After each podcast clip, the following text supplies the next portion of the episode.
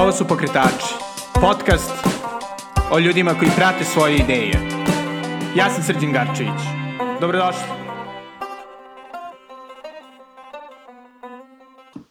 Uh, zdravo, ja sam Gorana Trbić, uh, arhitekta i osnivač i član konceptualnog sastava The Best of Camels. I danas sam gostujući voditelj uh, specijalne praznične epizode podcasta u kojoj je na mestu gosta osnivač pokretača Srđan Gačević. Um, kao Srđanov prijatelj i nekako prati pokretače od ideje do sad već uspešne treće sezone. Uh, čast mi je zadovoljstvo da se oprobam u ovoj ulozi um, voditelja i nadam se da će slušalcima biti um, zanimljiv ovaj spoj prijateljskog razgovora. Imao pokušaj da budem um, profesionalno koliko i srđan. Um, Oh. Dok, dok pravi ovaj... Ja se zaista nadam da će biti kao ovaj intervju Jelene Tinske i uh, Vesne Jugović, to je Vesna Devinča. I ja se nadam. A, u predstavicima razgovoru Srđan će nam pričati o početcima, inspiracijama, problemima, ali i dobrim stvarima sa kojima se susreo a, praveći pokretači, kao i o planovima u budućnosti. Pa da počnemo. Ajmo. Odlično. Srđan, ja bih te za početak pitala kako su nastali pokretači. Mm. U stvari šta te je inspirisalo i zašto si odabrao ovaj medij, u stvari platformu podcast? Da. Pa, zapravo ono, postoji kao kratak i dug od- odgovor, e, kako je ova epizoda posvećena meni, onda ću da izabrem dug odgovor. Ovaj, pa, zapravo ja sam prvi put radio na radiju u drugom razredu gimnazije, na BDS dvojici, e, sa Igorem Brakusom, e, što je bilo naravno samo privremeno i što je bio ubedljivo najcool posao koji sam radio ikada.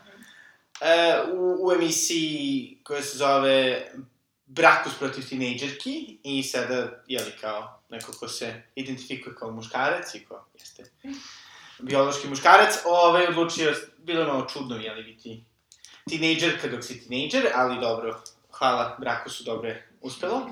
Eksperimentalno. Ek, vrlo eksperimentalno i onda sam tu nekako zavoleo radio kao, e, kao medij. I nekako sve vreme, iako nisam išao ka medijima, ovaj, u svom obrazovanju i e, ostalim poslovima, nekako uvek sam voleo da pratim šta se dešava tu i onda sam krenuo da slušam prvo neke podcaste koje je pravio BBC, e, i onda sam nekako shvatio da je to super format, bilo mi je lepo da to slušam dok sam hodao. I kad sam pre dve i po godine dao otkaz na mom poslu u konsultingu u Londonu, onda sam razmišljao šta bih volao da radim. I u tom periodu, pošto sam dosta razmišljao da se bavim pisanjem, jer sam već tada imao svoj blog, The Natural Times, uh, sam krenuo da slušam jedan podcast o pisanju, koji se zove Long Form, um, gde dvojica ili trojica ovaj, um, ljudi koji ga prave, pričaju sa piscima koji su trenutno aktualni o tome kako izgleda pisati, šta znači uopšte ono, dobra priča i to, i onda mi je nekako to bilo cool. Preko toga sam onda krenuo slušati Tima Ferisa, koji zapravo je možda najzaslužniji za, za oblik pokretača kakav je. Za one koji nisu slušali Tim Ferriss Show, on intervjuiše preduzetnike i kreativce, doduše iz Amerike, ne, nažalost, iz Balkana. E, I onda sam pomislio dok sam slušao jednog Tima Ferisa, wow, pa baš bilo cool kada bi tako nešto postojalo u Srbiji. E, I onda sam ozbiljnije razmišljao na napravim podcast. Umeđu vremenu bila je neka ideja da radim sa dvojicom svojih drugova neki malkice drugačiji podcast koji bi bio kao o kulturnim pitanjima u Srbiji. Taj podcast se ipak nije desio, ali smo odlučili da kupimo opremu.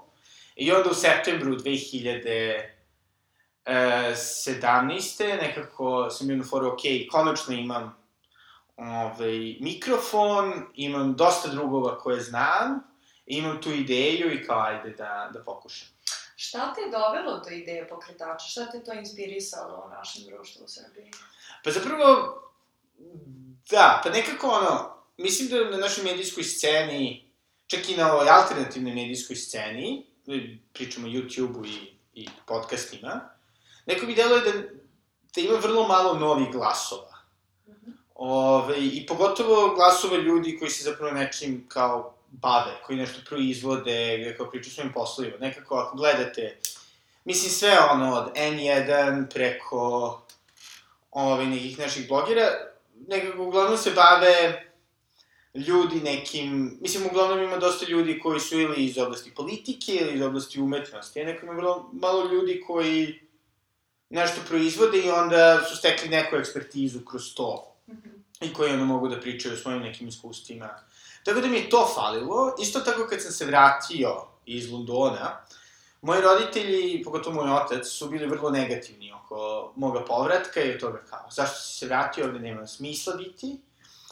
E, iako sam je naravno osjećao da intuitivno, jeli, kao, ima smisla i da ovde može, mogu da se rede sjajne stvari, nekako, ja nisam imao dovoljno primera da im kažem kao, pa dobro, eto, vidite, ne znam, XYZ, eto, njima je super, a da pritom XYZ nisu bili ono, hiper povezani partijski, ovaj, aparačici ili nešto slično. Da.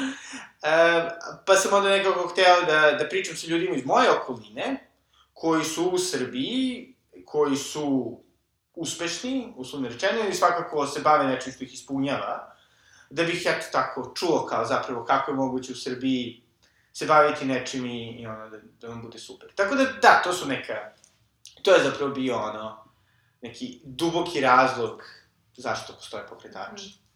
Reci mi, um, kojoj publici je namenjen tvoj podcast? U, pa ovaj, ja se nadam, mislim, inicijalno je sve bilo... Osim tvojim roditeljima. Osim mojim roditeljima, da im pokažem. Dobro, moj ocu se teško bilo što može pokazati. Ta, puno te volim, tate. Da, e, pa ovaj...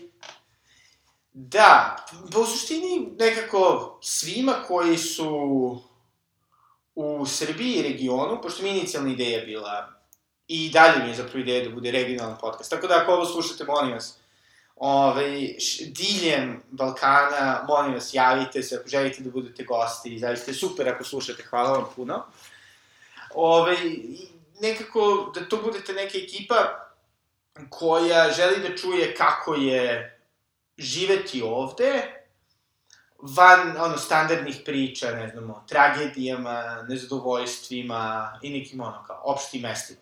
Ljudi koji žele da čuju šta lepo postoji u ovom regionu i da čuju ljudima koji, uprkos situaciji koja je, ali nije idealna, opet možda ne treba ni ono preterivati i pričati da je katastrofalna, uh, u nekim stvarima, u mnogo stvari jeste, ali uh, nije, nije skroz katastrofalna, svi živi, zdravi, koliko toliko ove, koji se nečim bave i koji nekako iz, iz ove, da kažem, globalne periferije uspevaju da stvore neke nove ideje i nekako kako njih rad možda ispunjava. Tako da, da, kogod, kogod da je zainteresovan. Mada ne, nekako najviše ljudi koji slušaju su recimo ljudi koji su u tom nekom, uslovno rečeno, preduzetničkom, kreativnom svetu, e, tako ranim kasnim 20-im, ranim 30-im i tako, možda, do 40-ih. I koji vole podcast. Ne, nije velika publika, nažalost.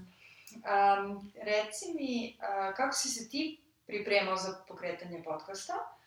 U stvari, šta je potrebno za pokretanje ove platforme i koliko je daleko ideja i realizacija u ovome?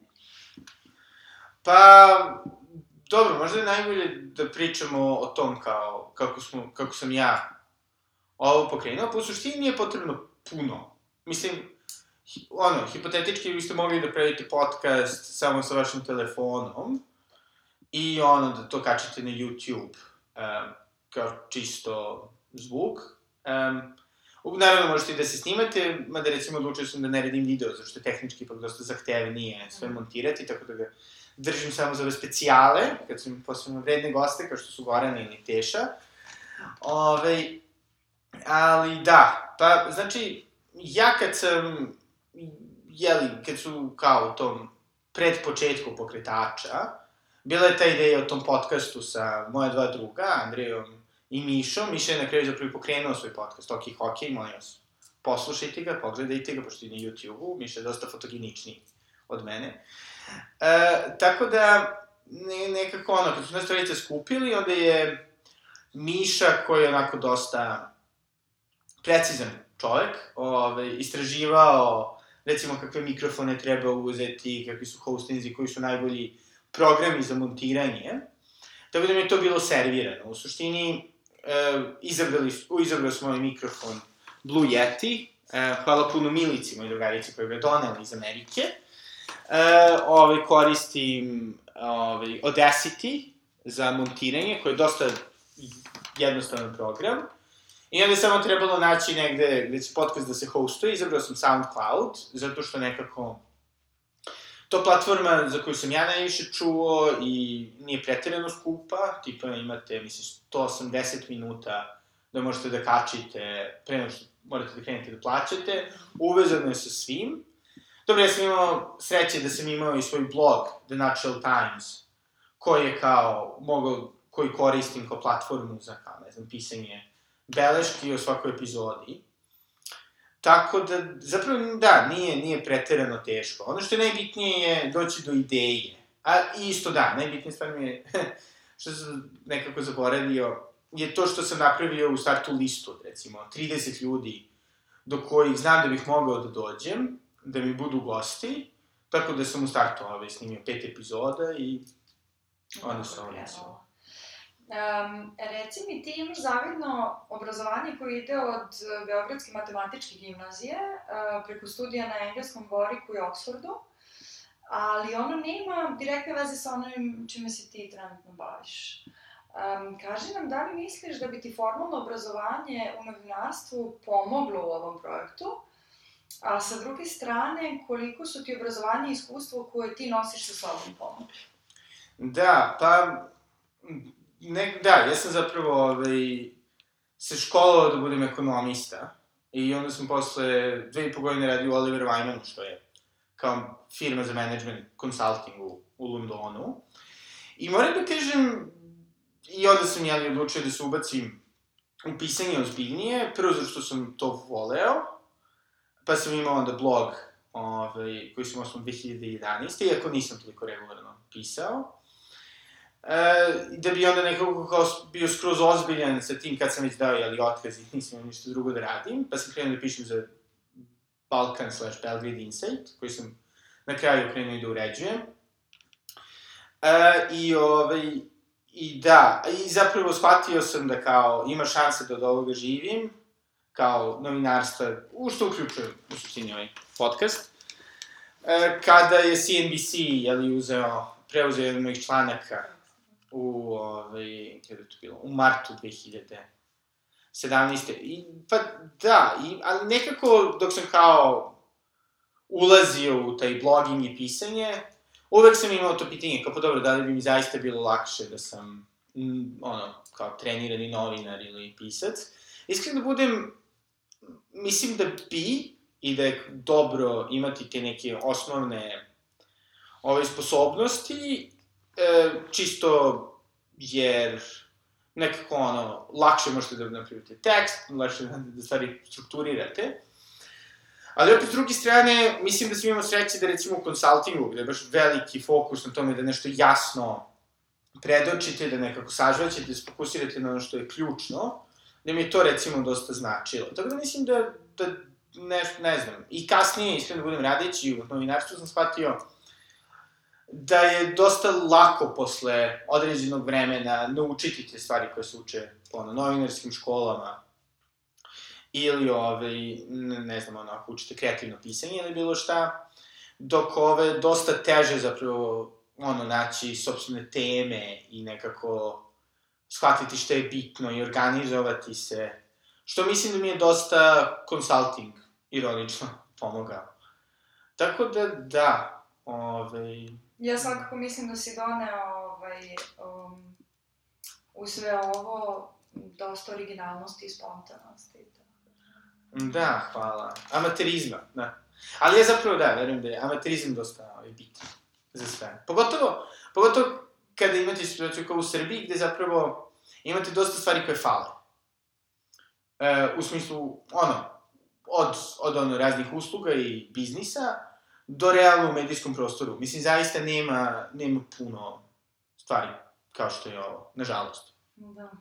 Um, reci mi sad malo više o, o um, samom podcastu. Kako izgleda pripremanje, kako pravljenje uh, jedne epizode pokretača? Kako ih i da li um, strukturiraš i kako nalaziš goste?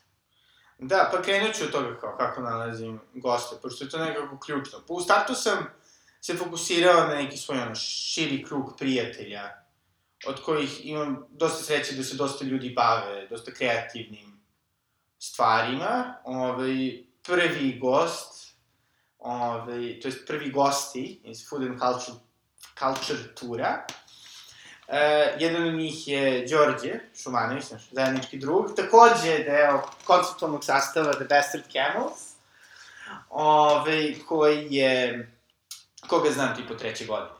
Pa onda recimo moj cimer, Igor Simić, ovaj, uh, on se ne bavi umetnošću, pa onda, da, tako da nekako ono, u startu je to bilo dosta lako, jer su bili ljudi koje znam. Da bi onda nekako posle birao goste na osnovu toga zašto sam čuo i da mi je baš zvučalo cool. I nekako nikad nisam htio da zovem ljude dobro, ne mogu da kažem da se nužno slažem sa svim njihovim idejama, um, ali opet neko ljude kojima se ne divim na neki ono profesionalan način. Mm -hmm. uh, ili čije proizvode mislim da nisu dobri ili eto zaista tako da mi to onda pomaže da da nekako istrukturiram kasnije emisiju, zato što se onda bavim temama koje mene lično interesuju. Sada, da li je to ono, kako pravite super purek u Pančevu, ili je to, ne znam, kako ćete biti ovaj, eh, ono, maneken, zato što nekako, ono, ja sam prilično radoznala osoba, pa onda nekako gledam što bi meni bilo zanimljivo da ih pitam. A što se tiče nekog istraživanja, i samo, i tog nekog tehničkog dela, da, pa ovaj, Da, mislim, trudim se da pročitam što sve postoji, postoji super portali kao što je moja firma i ovaj, tako. Nađe se, nađu se podaci, a, ali onda da, samo tehnička stvar zapravo nije preterano teška. Mislim, uglavnom snimanje traju ono, oko sat vremena, onda se to montira i ovaj, ako nisam preterano lenj, mogu sve to da uradim u jednom danu, tako da. Reci mi kako pristupaš gostima, a kako temi svake, svake epizode? Da li prvo m, nađeš temu, pa onda gosta, ili ti je neko zanimljiv?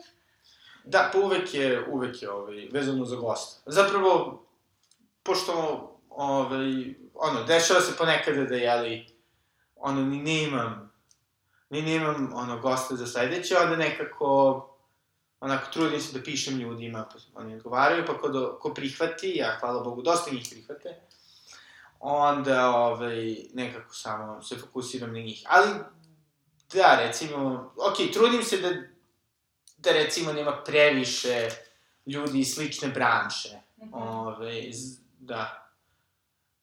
Recimo, ja dosta volim hranu, tako da onda dosta ljudi koji su, i nekada sam razmišljao da ono, otvorim kafić i to, uh, Tako da dosta ljudi se ili bavi, ne znam, proizvodnju piva ili ovi, su poslastičari, pekari. Tako da, ovaj, to su teme, ali se trudim da malkice prošaram. Mm -hmm. Bude svega i svačega. Um, reci mi, šta ti se pri pripremi za pokretanje ovog projekta činilo, a šta je na kraju ispalo um, najteže? Pa dobro, ovaj, pa realno, šta mi, pa ne znam, mislim da, mislim da sam pogotovo u početku kada smo ovaj, Andreja, Miše i ja pravili taj kao uh, ne, taj nesuđeni podcast, pokušaj podcasta, uh, da je nekako izuzetno teško svo to snimanje, montiranje i zvuk. I to, mislim, realno, dosta ljudi mi je pisalo vezano za pokretače, da zvuk nije dobar i zaista se izvinjavam, nije. Dosta bi volio da je bolji. Dobro, napreduje se. Napad, trudimo se, ali ovaj, nekako, pošto sam shvatio da, da moja snaga nikada neće biti to da pravim ono, fantastičnu, mislim nisam ono, inženjer zvuka, i zaista razlog koga pravim podcaste je, su tuđe priče, više nego da to ono, zvuči fantastično, iako sam apsolutno sve da to treba. Ove, onda sam nekako shvatio da to zapravo, da bi zvučalo okay, da biste mogli da nešto čujete i vidite, zapravo nije toliko teško. Ono što jeste zaista teško, to je doći do publike. Ove, mislim, ja nisam imao neke iluzije da, da ću sada ono biti novi Tim Ferris, niti da će ovo da bude neki super mega giga uspeh i zadovoljan sam ono, brojem slušalaca. Ali realno, kako je podcast dosta nova, mislim, novi mediji u Srbiji, pa realno i u cijeloj Evropi. To sam htjela i da te pitam, da. da li postoji kakva je zajednica podcastera u Srbiji? A pa, ove, ovaj, imao sam sreće da sam bio na, na jednom panelu koji je organizovao Startit, pa sam upoznao svoje kolege podcastere. Među ostalo ljude iz Technopolisa, iz uh, Backwater Entrepreneur-a i naravno iz uh, Femkanja. Uh, I ovaj, da, i naravno, trebalo da dođe ekipa iz Remarkera, koji su, jeli, najozbiljniji, jeli, jer imaju Biljanu Sredjanović, koja ima zadovoljstvo u tekstu, što je, mislim, najslušaniji podcast u Srbiji. Sada, naravno, još i Miša sa OK Hokejem. Tako da, ali, da budem 100% iskren, ovaj, ja se dosta više fokusiram na podcaste koje sam slušao pre pokretanja pokretača. Uh, scena u Srbiji, onako, mislim da da, ima, ima svega i svačega, mislim da nekako svi, ono, se trudimo da nađemo našu ono, nišu i mesto pod suncem i da dođemo neku zelenu granu što se tiče slušala, šta. Ali još uvek je sve u početcima. Ali još uvek je, da, dosta u početcima. Mislim, dosta je, dosta je lakše ljudima koji, jeli, već imaju neke, ono, etablirane pla platforme, kao što je, jeli, Remarker ili kao što je B92 za Technopolis. I, I naravno, i to je super što to koriste. Ali da, ali ovaj, polako se gura. A, reci mi, um, da li ti je neko ili da li ti je nešto pomoglo u, u procesu pravljanja pokretača? Neko od tih kolega ili neko iskustvo ili... Pa moram da kažem, ovaj, sad ću bude malo onako patetičan. Ne više su mi pomogli moji slušalci. Ove, ljudi koji su ti Gorana, moji prijatelji, koji se nadam nisu samo laskali, kada su rekli, a da ovo ti bila dobra epizoda, bilo je zanimljivo. Da, to mi je nekako ono, znate, neko lepo je da čujete da neko nešto sluša šta radite i da im je zanimljivo. Dosta su mi pomogli isto i bivši gosti, ove, sugestijama, koga da zovem, šta da radim, naravno. Beskreno sam zahvalan Mariju i Ivanu, i pogotovo, ovaj, onako, spremni da, da daju i savete i da pomognu. Mada svi ostali gosti. Nekako da, moram da kažem da. Slušalci, naravno gosti, da budu skroz patetičan, ali oni su mi najviše pomogli. Jeste, opet to, to ide u prilog onome da, što uvek ponavljamo da je feedback jako bitan u svemu što radimo. Da. Reci mi, um, spomenuo si već neke od podcasta koji slušaš, jel bi nam rekao još šta slušaš na domaćoj ili stranoj sceni?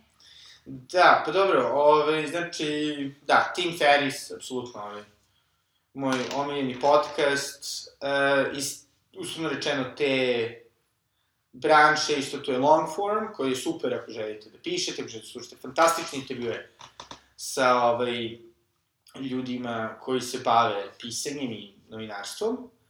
Onda iz, da kažemo, ono, opšte kulture i kao internet kulture, dosta voljno slušam Reply All od Gimleta. E, to je podcast u internetu, baš je onako i zabavan i fantastično produciran. Zapravo, meni više sve što Gimlet radi, to je jedna kao pr podcast produkcijska kuća u Americi, ovaj koju je pokrenuo veteran NPR-a, je zaista, zaista fantastično. Ove, da, dosta volim i dalje da slušam In Our Time, e, koji, što je zapravo sada već 20 godina fantastična ovaj, emisija na BBC-u koja se bavi nerazličitim temama, ne znam, od ono, e, ono, vizantijske umetnosti do neuronauke, i gde kao možete slušati sjajne predavanja. O medijima postoje dosta sada dobrih podcasta, Citations Needed i Moderate Rebels, koji tako imaju malo kao kritičan stav prema načinu na koji mediji funkcionišu. Ovo što mi sada zanimljivo. I da, isto bih rekao ove, za ljude koji su zainteresovani, e, uslovno rečeno za ono, self-help ili self-improvement, kako se eufemistično zove, ovaj, Tara Brach, ona je e, bivša, mislim, to jest ili trenutna, e, ovaj, pa da kažem, učitelj meditacije iz nekog budističkog sveta. Nažalost, ovaj nisam dovoljno dobro sa tehničkim terminima tu, a isto trenirani psihoterapeut koji daje fantastične ove, i predavanja, ali i meditacije ove, koje mislim da su onako zanimljive, pogotovo ako vas interesuje tako malo psihologija i tako kako da se opustite, da prihvatite sebe i tako to. Ja ću biti slobodna da preporučim uh, The Field Architecture uh, Aha. podcast uh, za sve arhitekte i one kojima ovaj, je ta tema zanimljiva. Dobro, dalje, reci mi šta je za tebe um, vrednost ovog projekta generalno i da li bi u tom smislu istakao neku od dosadašnjih epizoda pokretača? Da, pa dobro da budem patetičan. Sve epizode su kao, ovaj, kao deca, ne mogu da ih biram, da. Ove, ali, pa, nekako ono, pokretači su u startu bili podcast koji sam ja pravio prvenstveno za sebe. E, I naravno, ono, kao, volim da bude što slušaniji, ali moram da kažem je ono glavni razlog zašto pravim ono epizodu za epizodom, to je zašto je zaista želim da, da popričam sa svojim gostima, ono, pola sata do sat vremena i da čujem šta oni rade, kako oni rade. I mislim da je to možda, eto, zanimljivo i nekoj, da kažem, široj publici. I, I najveća vrednost mi je upoznavanje svih tih sjajnih ljudi, slušanje svih tih divnih priča. E, I zaista mislim da sam za ovih godinu i tri meseca dosta naučio i dosta mi se nekako promenio pogled i na situaciju u regionu i nekako na sve te razne profesije kojima su moji gosti bavili. I da, i nekako čini mi se da sam isto uspeo da stvorim neku vrstu mreže ljudi koji su dosta pozitivni, dosta zanimljivi i, ovaj, i koji su nekako, mislim, dosta potrebni ako želite da, da se bavite nečim kreativnim i nekonvencionalnim. Tako da da, već deo te kao vrednosti je zapravo ličan. Um, reci mi, ja bi se opet um, preselila natrag na jedno od pređašnjih pitanja. Um, kako u suštini, ovaj, ono što vredno je ovaj podcast u mom uh, ličnom mišljenju je ta spontanost koju si ti uneo, um, a s druge strane opet profesionalnost na koji uh, vodiš ovaj, ovaj projekat. Um, kako, da li je došlo u stvari spontano do toga ovaj, kako vodiš svaki razgovor sa gostom? Ili, ili si se pripremao za to? Da, koliko si i da li si razmišljao o tome? Hmm. U, pa, pa jesam, nekako ono, trudim se da uvek postavim neka osnovna pitanja, koje nekako mislim da su, su uvek dobre, zato što sam donekle hteo u nekim trenucima, kad sam malo previše intelektualizovao ovaj projekat, kao da nekako, ono, gotovo može da se koristi za, ne znam, pet ili za, ono, tri godine, kao, eto, ono, lista pitanja i sada vidite kako najrazličiti ljudi rade, pa onda vidite neke kao paterne koje možete da primenite za sebe. Naravno, isto inspiracija Tima Ferisa. Um, ali, ali nekako, iskreno da budem, ono, volim kada, volim kada neko dođe i kada jednostavno samo pričamo. I mislim da je to dosta bitno, jer nekako, mislim da ako se ne fokusiram na to što zapravo gost govori i sad samo hoću da ga ono provedem kroz pitanja, nekako nije, ne funkcioniše. Ovaj, dosta je dobro da ima malo improvizacije da možete i, ne, i nekako svako se bavi drugačijim stvarima, isto tako im je komfortno da pričaju različitim stvarima, a ono što je najbitnije u bilo kom intervju, to je da dođete do onoga trenutka kada gost ili gošća ovaj, pričaju sa entuzijazmom o nekoj temi. E sada za nekoga je to ono što ih najviše frustrira, za nekoga je to neka ono filozofije iza njihovog rada i nekako morate da dođete do toga. A opet, ono, napravite par pitanja, čisto da ono, može da ide konverzacija i da možete da nasnimite minimum, šta, 20 minuta materijala. Um, reci mi, evo, rekli smo da je ovo već um, treća sezona pokretača koja ide. Pa, uh, kaži mi, koja je um, po tebi danas, posle tri godine, um, vrednost plasiranja ove teme i to baš u ovom formatu u, u našem društvu? Ne, tri sezone. Tri godine, uf. Ove, pa, ono, možda da, ponovo sam, ponovo ću da budem ono kao, samoživ i da kažem da, kao, najveća vrednost ono što, što meni super i što sam upoznao divne ljude. Ali da, da li postoji neka šira vrednost? Pa, ja se nadam. Mislim da, mislim da je super kod podcasta i razlog koji radim izuzev ono, moje lenjosti i nefotogeničnosti za YouTube, ove, je to zato što neko mislim da je super, da možete da šetate, da radite nešto drugo, ne morate da, da ste ono, vizualno fokusirani na nešto. I da, ovaj, I da možete da čujete nečiju zanimljivu priču koja će vam kao ono, pomoći da, da lepo provedete tih ono, pola sata. I ono što bih voleo da bude, što bih voleo da su neka dve, dve stvari koje će pokretači, ono, slični, na se podcasti, ovaj, uraditi na našoj sceni, to je prvo da nekako pokaže ljudima koliko zapravo ima ono, sjajnih priča ljudi na našim prostorima i koliko oni zapravo vredno rade i imaju super ideje i koliko je šteta zato što gledamo jedne te iste ljude koji pričaju jednim te istim opštim mestima non stop i da malo okuraži ljudi da pričaju nečemu novom što nije, ne znam, ono, politika ili neka ono, plitka pop kultura. Mislim da je dosta bitno da se pričaju novi sadržaj, da pričaju nove priče. I mislim da je, da su podcasti i radio dosta dobri za to, zato što su ono, dosta fleksibilni formati, ne morate toliko da razmišljate o vizualnim stvarima.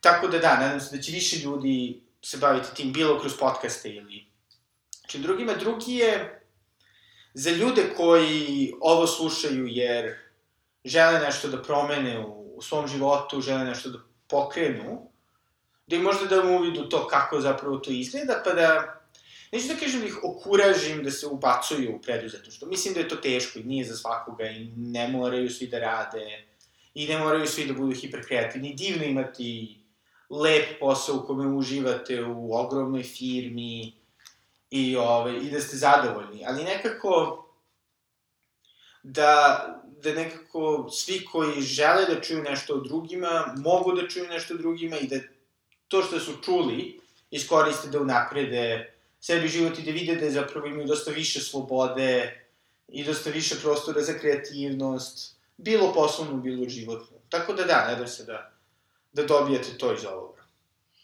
Da. Ja bi se setila, imao si jednog gosta iz eh, BBDO marketinške agencije. Nikolu Parina, da. Koja govori o tome kako ovaj, uh, možete biti pokretač i u okviru neke veće firme. Pa da, da. Sad isto, ovaj, dobro, to je možda malo filozofski, ali jedna od stvari koja je dobro možda, ono, kontraintuitivna za nekoga ko pravi podcast u suštini o poslovima ljudi, o njima kao ličnostima. Mislim da da, trenutno ono, mi previše verujemo da kao sama aktualizacija i ispunjenje dolaze iz posla. Mislim da je to delimično zato što smo navikli i jedino smo konformni da pričamo o nekim velikim promenama kada se radi o poslu, a ne kao ličnom životu. Uh -huh.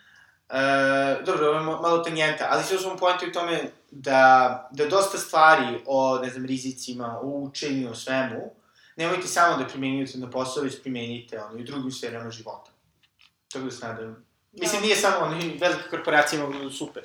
Naravno, ali ono, možete da naučite i kako da budete i iskreni i ovaj, da uzimate rizike ili da vrednujete stvari da su napredite i da učite i ono, tome kako se odnosite s vašom porodicom ili prijateljima.